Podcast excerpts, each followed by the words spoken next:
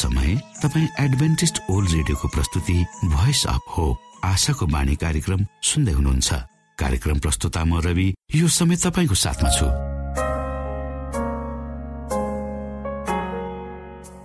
परमेश्वरले भन्नुभएको छ तिमीहरूका कानले सुन्नेछौ बाटो यही हो यसैमा हिँड। श्रोता आशाको बाणी कार्यक्रमले हामीले चुन्नु पर्ने बाटोको विषयमा हामीले हिँड्नु पर्ने बाटोको विषयमा जानकारी गराउने गर्दछ। धेरै धेरै बाटाहरूको बीचमा कुन चाहिँ बाटो रोज्ने भनेर अलमलिएको मनलाई परमेश्वर तर्फ फर्काउन परमेश्वरको सत्यतालाई बुझ्न आशाको बाणी कार्यक्रम नियमित सुन्नुहोस्। तपाईँले सही बाटो सत्य जीवन र प्रभु येशु क्रिस्टलाई भेट्नुहुनेछ। आउनु श्रोता हामी हाम्रो मुख्य कार्यक्रममा जानु अगाडि आज पनि सुन्नेछौ यो मधुर क्रिस्टीय भजन।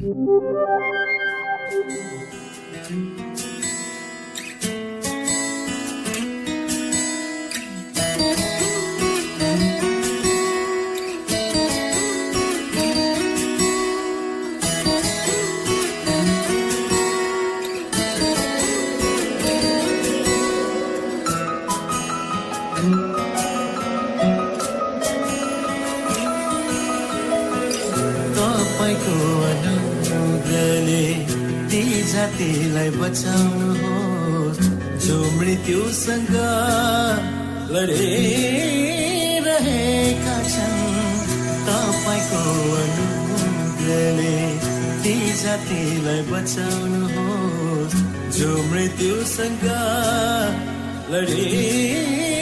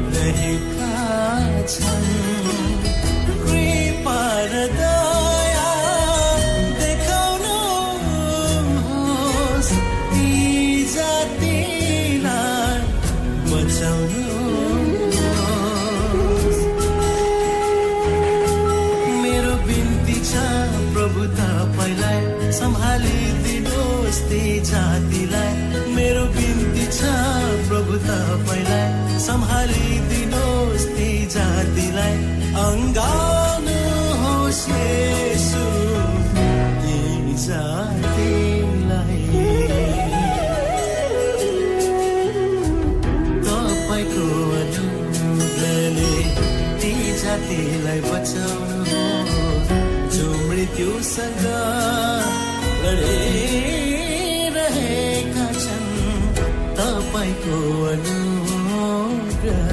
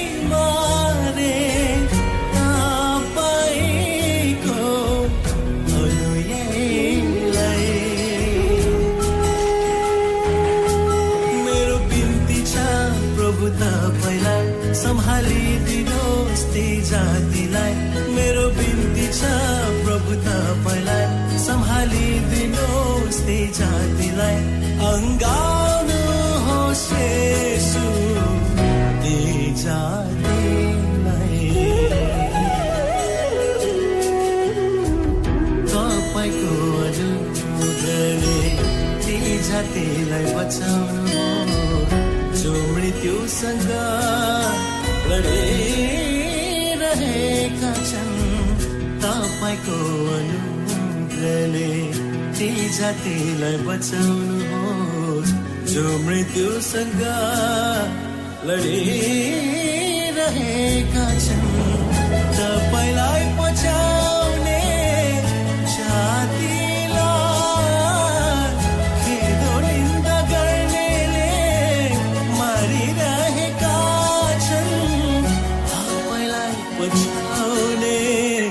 जातिलाई।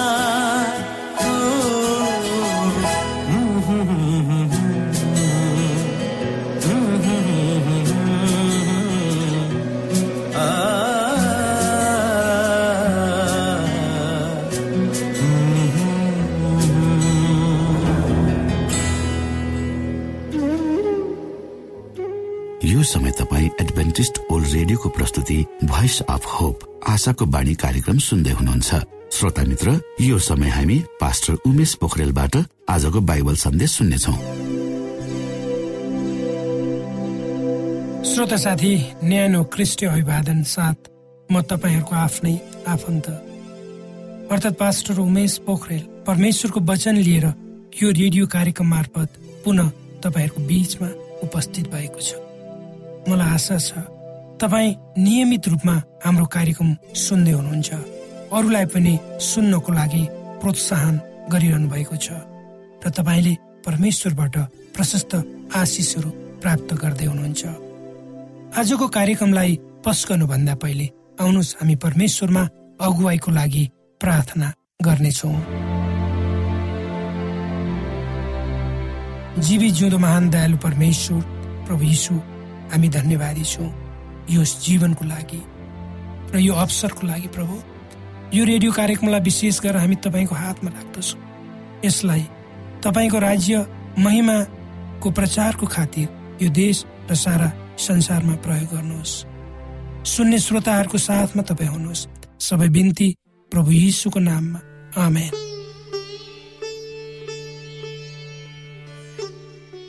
श्रोता साथी कुनै ठाउँमा एउटा बाबु थियो।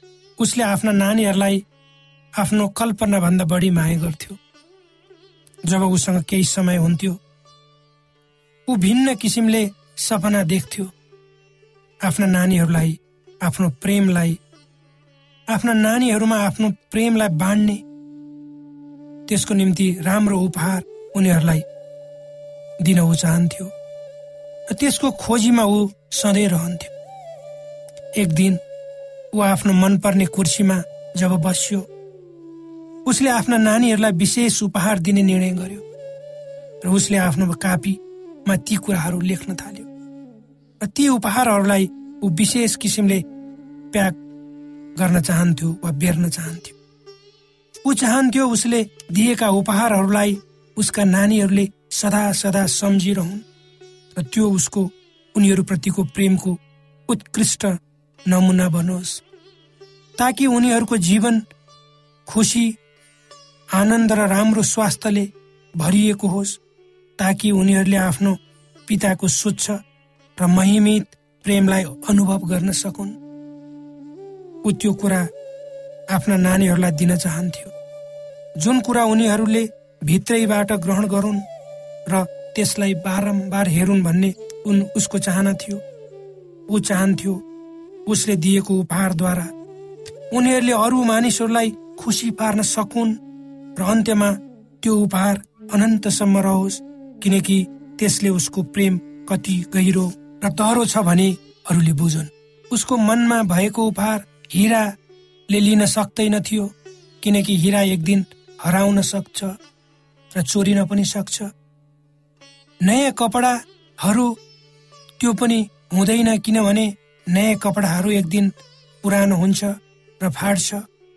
नयाँ कार पनि हुँदैन किनकि त्यो एक दिन पुरानो हुन्छ। उक्त उपहार छान्नु त्यति सजिलो थिएन श्रोता। जसद्वारा उसले आफ्नो प्रेम प्रकट गर्न सकोस् जुन कुरा उसको हृदयबाट आएको छ वा निस्केको छ। उसलाई थाहा छ। उनीहरूलाई उसले सदा सदा प्रेम गर्छ। उनीहरूले गरेको कुनै पनि भूललाई ऊ क्षमा दिन सक्छ। उनीहरूको निम्ति संसारको अन्त्यसम्म जान सक्छ र त्यसभन्दा माथि आफ्नै जीवन दिन ऊ पछि पर्दैन। उसलाई थाहा छ कि उसले आफ्ना नानीहरूलाई गरे जति प्रेमको आधा प्रेम पनि संसारका मानिसहरूले गर्न सक्दैन। उसको उपहार पनि त्यस्तै हुनुपर्छ र त्यो उपहार पूर्ण र सही हुनुपर्छ। यी विचारहरूलाई मनमा खेलाउँदै ऊ पुनः कुर्सीमै बसिरहन्छ।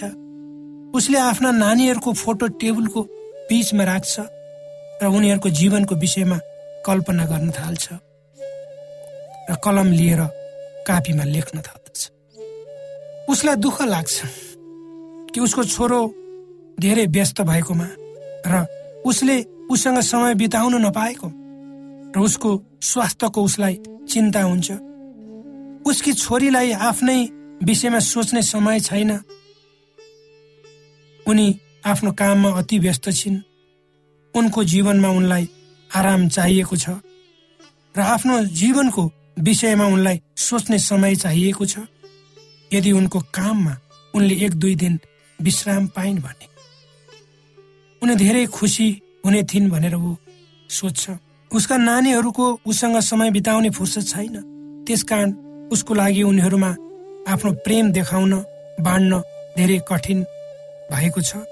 ऊ चाहन्छ उनीहरूले आफ्नो समय उसँग बिताउन्। कुनै चिन्ता र फिक्री बिना जुन उनीहरू सानो हुँदा उसले उनीहरूसँग बिताउने गर्दथ्यो। तब उसले उनीहरूलाई आफ्नो कल्पनाको प्रेम भन्ने थियो र उनीहरूको कुरा सुन्ने थियो। उनीहरूसँग हिँडेर लामो यात्रामा जाने थियो र केही समय भए पनि सुन्दर समय उनीहरूसँग बिताउने थियो। अनि उनीहरू सबैले खुसीको वास्तविक अनुभूति गर्ने थिए। एक अर्काको प्रेमले उनीहरूको जीवन भरिने थियो र उनीहरूले आफ्नो प्रेम अरूलाई पनि बाँड्न सक्ने थिए। उनीहरूलाई पूर्ण रूपमा विश्राम चाहिन्छ। उसले खुल्ला झ्यालबाट एक टक लगाई बाहिर आफ्नो बगैँचामा हेऱ्यो। सुन्दर फुल फुलेको देखियो।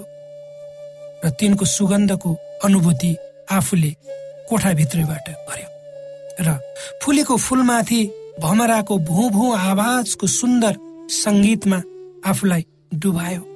त्यसपछि बाहिरबाट चराहरूको चिरबिरे आवाज युक्त मिठो धुनले धुन उसले सुन्यो तब उसले आफ्नो मनमा आफ्ना नानीहरूलाई देख्यो।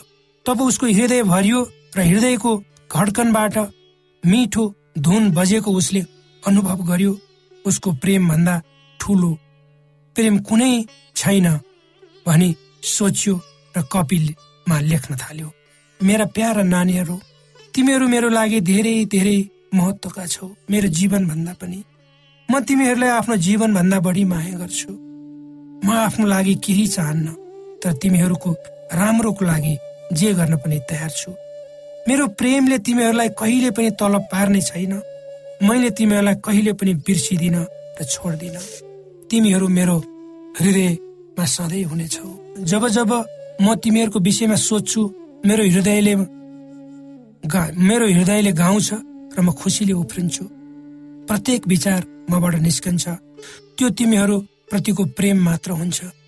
मलाई थाहा छ मैले जति तिमीहरूलाई कसैले पनि प्रेम गर्न सक्दैन गर्दैन मैले धेरै समय तिमीहरूलाई दिने उपहारको विषयमा सपना देखेको छु ताकि उक्त उपहारले तिमीहरूलाई थाहा होस् कि मेरो प्रेम तिमीहरूको निम्ति कति फराकिलो र गहिरो छ भनेर म तिमीहरूको व्यवहारिक जीवनमा परिवर्तन चाहन्छु।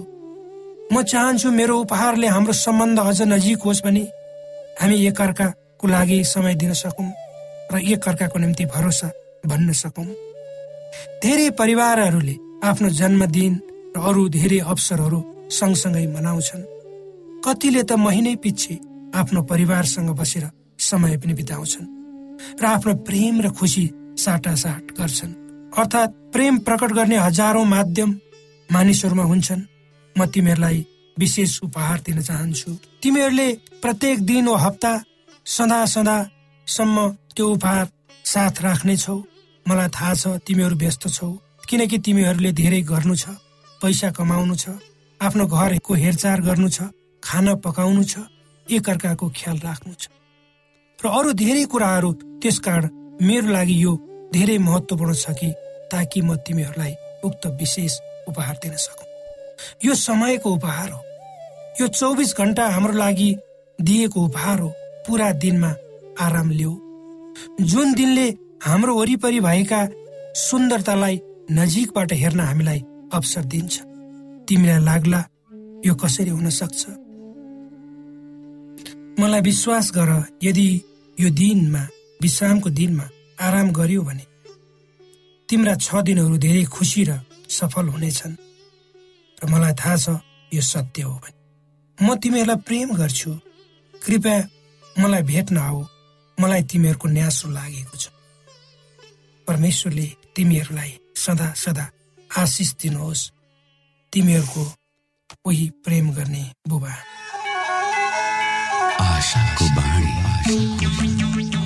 श्रोता भर्खरै यहाँले पास्टर उमेश पोखरेलबाट बाइबल वचन सुन्नुभयो। यो समय तपाईँ एडभेन्टिस्ट ओल्ड रेडियोको प्रस्तुति भोइस अफ होप आशाको बाणी कार्यक्रम सुन्दै हुनुहुन्छ। कार्यक्रम सुनेर बस्नुहुने सबै श्रोतालाई हामी हाम्रो कार्यक्रममा स्वागत गर्न चाहन्छौ। श्रोता मित्र यदि तपाईँ जीवनदेखि हरेस खानु भएको छ तपाईँका जीवनमा धेरै अनुत्तरित प्रश्नहरू छन् भने आउनुहोस् हामी तपाईँलाई परमेश्वरको ज्योतिमा डोहोऱ्याउन चाहन्छौँ र तपाईँ आफ्नो जीवनका चिन्ता फिक्रीबाट निश्चिन्त हुनुहोस् र बाँच्नुको आनन्द परमेश्वरको सामिप्यमा कति मिठो हुन्छ त्यो चाख्नुहोस् भनी हामी चाहन्छौँ। श्रोता यदि तपाईँ आशाको बाणी कार्यक्रमलाई अनलाइन सुन्न चाहनुहुन्छ वा डाउनलोड गर्न चाहनुहुन्छ भने डब्लु डट जानुहोस्। त्यहाँ तपाईँले प्रत्येक दिनको कार्यक्रम सुन्न र डाउनलोड गर्न सक्नुहुनेछ। हाम्रो वेब पेज यस प्रकार छ डब्लु डब्लु डब्लु डट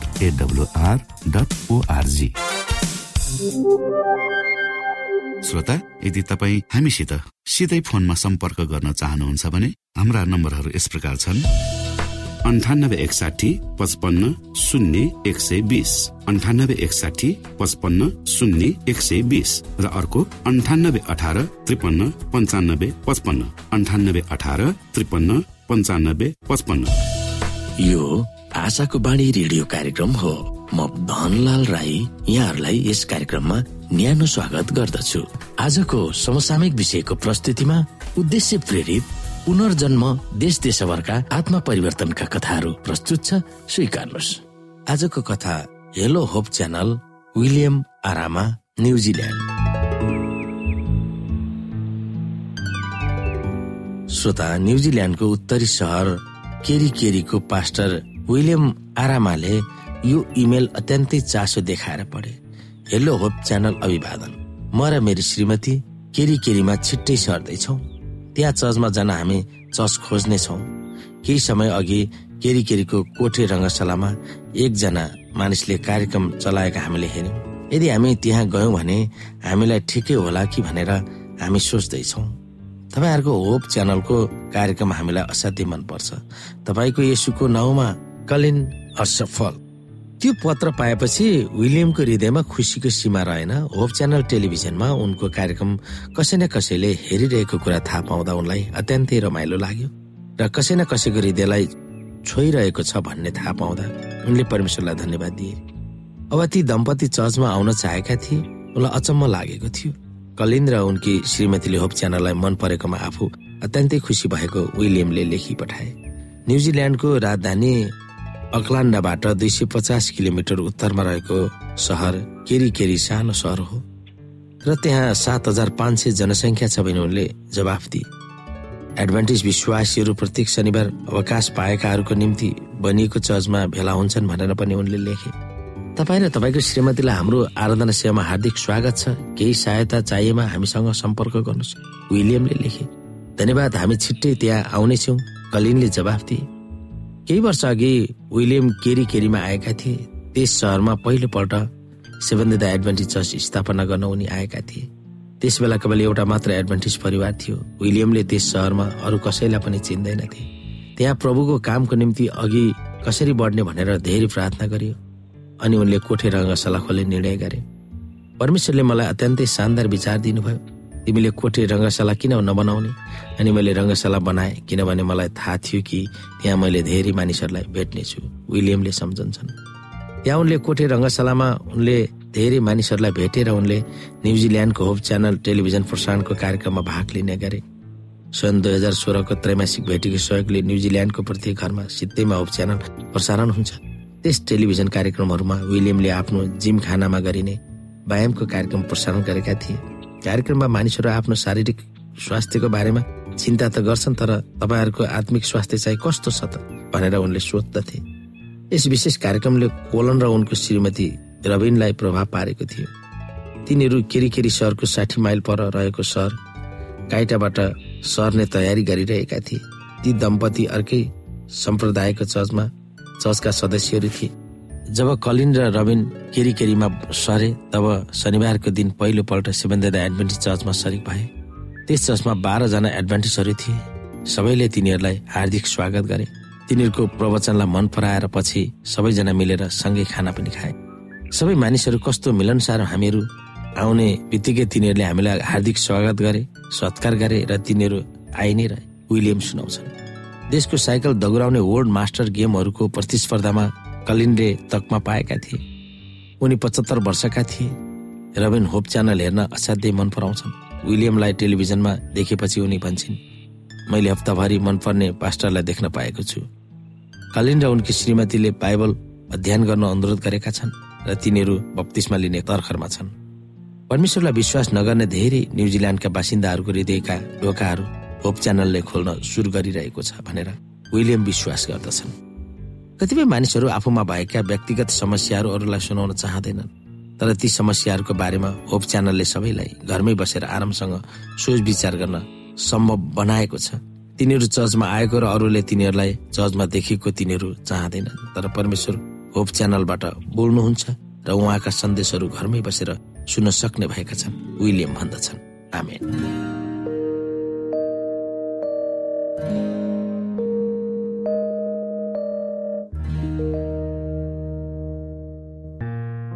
आदरणीय मित्र बाइबलले बताएको छ परमेश्वरले तिर्खाकाहरूलाई तृप्त पार्नुहुन्छ र भोकालाई उत्तम पदार्थले सन्तुष्ट पार्नुहुन्छ। हामीलाई दिइएको यो छोटो समय आशाको बाणीको प्रस्तुतिको समयमा हामीले हाम्रा श्रोताको आत्मिक भोकलाई केही मात्रामा भए तापनि सही प्रकारको खोराक पस्केर आत्मिक सन्तुष्टि दिन सकेका छौँ केही ऊर्जा थप्न सकेका छौँ भनेर हामीले आशा राखेका छौँ। आफ्ना मनमा भएका केही दुविधा र शङ्काहरू छन् भने अवश्य हामीसँग बाँडेर शङ्काको निवारण गर्नुहुनेछ र सही प्रकारको बाटो पहिल्याउन सक्नुहुनेछ परमेश्वरको सच्चाइले अझ राम्रो बुझ्न सक्नुहुनेछ र आफ्नो जीवनलाई परमेश्वरमा पूर्ण समर्पित भएर समर्पण सहितको जीवन बिताउन सक्नुहुनेछ भनेर आशा राख्दै अब हामी हाम्रो कार्यक्रम सकिएको जानकारी यहाँलाई गराउन चाहन्छौ। जानुभन्दा अगाडि श्रोता हामी यहाँलाई हाम्रो ठेगानाको विषयमा जानकारी गरौं। हामीसँग पत्राचार गर्ने हाम्रो ठेगाना यस प्रकार छ। आशाको बाणी पोस्ट बक्स नम्बर दुई शून्य शून्य शून्य दुई काठमाडौँ नेपाल। आशाको बाणी पोस्ट बक्स नम्बर दुई शून्य शून्य शून्य दुई काठमाडौँ नेपाल। यसै गरी श्रोता यदि तपाईँ हामीसँग सिधै कुराकानी गर्न चाहनुहुन्छ भने हाम्रो फोन नम्बर यस प्रकार छ अन्ठानब्बे एकसाठी पचपन्न शून्य एक सय बिस। अन्ठानब्बे एकसाठी पचपन्न शून्य एक सय बिस र अर्को अन्ठानब्बे अठार त्रिपन्न पन्चानब्बे पचपन्न। अन्ठानब्बे अठार त्रिपन्न पन्चानब्बे पचपन्न। हामीलाई इमेल पनि गर्न सक्नुहुन्छ। हाम्रो इमेल एड्रेस यस प्रकार छ Nepal at AWR dot ORG Nepal at AWR dot ORG यदि तपाईँ हामीलाई अनलाइन सुन्न चाहनुहुन्छ वा डाउनलोड गर्न चाहनुहुन्छ भने तपाईँ डब्लु डट एडब्लुआर डट ओआरजीमा जानुहोस् र त्यहाँ तपाईँले हाम्रा सबै कार्यक्रमहरू सुन्न सक्नुहुनेछ। हाम्रो वेब पेज यस प्रकार छ W dot AWR dot ORG श्रोता यसमा गएर तपाईँले हाम्रा दैनिक कार्यक्रमलाई सुन्न सक्नुहुनेछ र डाउनलोड पनि गर्न सक्नुहुनेछ। हवस् त श्रोता हाम्रो कार्यक्रम सुनिदिनु भएकोमा एकचोटि फेरि यहाँलाई धन्यवाद दिँदै भोलि फेरि यही स्टेशन यही समयमा यहाँसँग भेट्ने आशा राख्दै प्राविधिक साथी राजेश र पास्टर उमेश पोखरेल र कार्यक्रम प्रस्तुता म रवि यहाँसँग विदा माग्दछौ। परमेश्वरले तपाईँलाई धेरै धेरै आशिष दिनुभएको होस्। नमस्कार।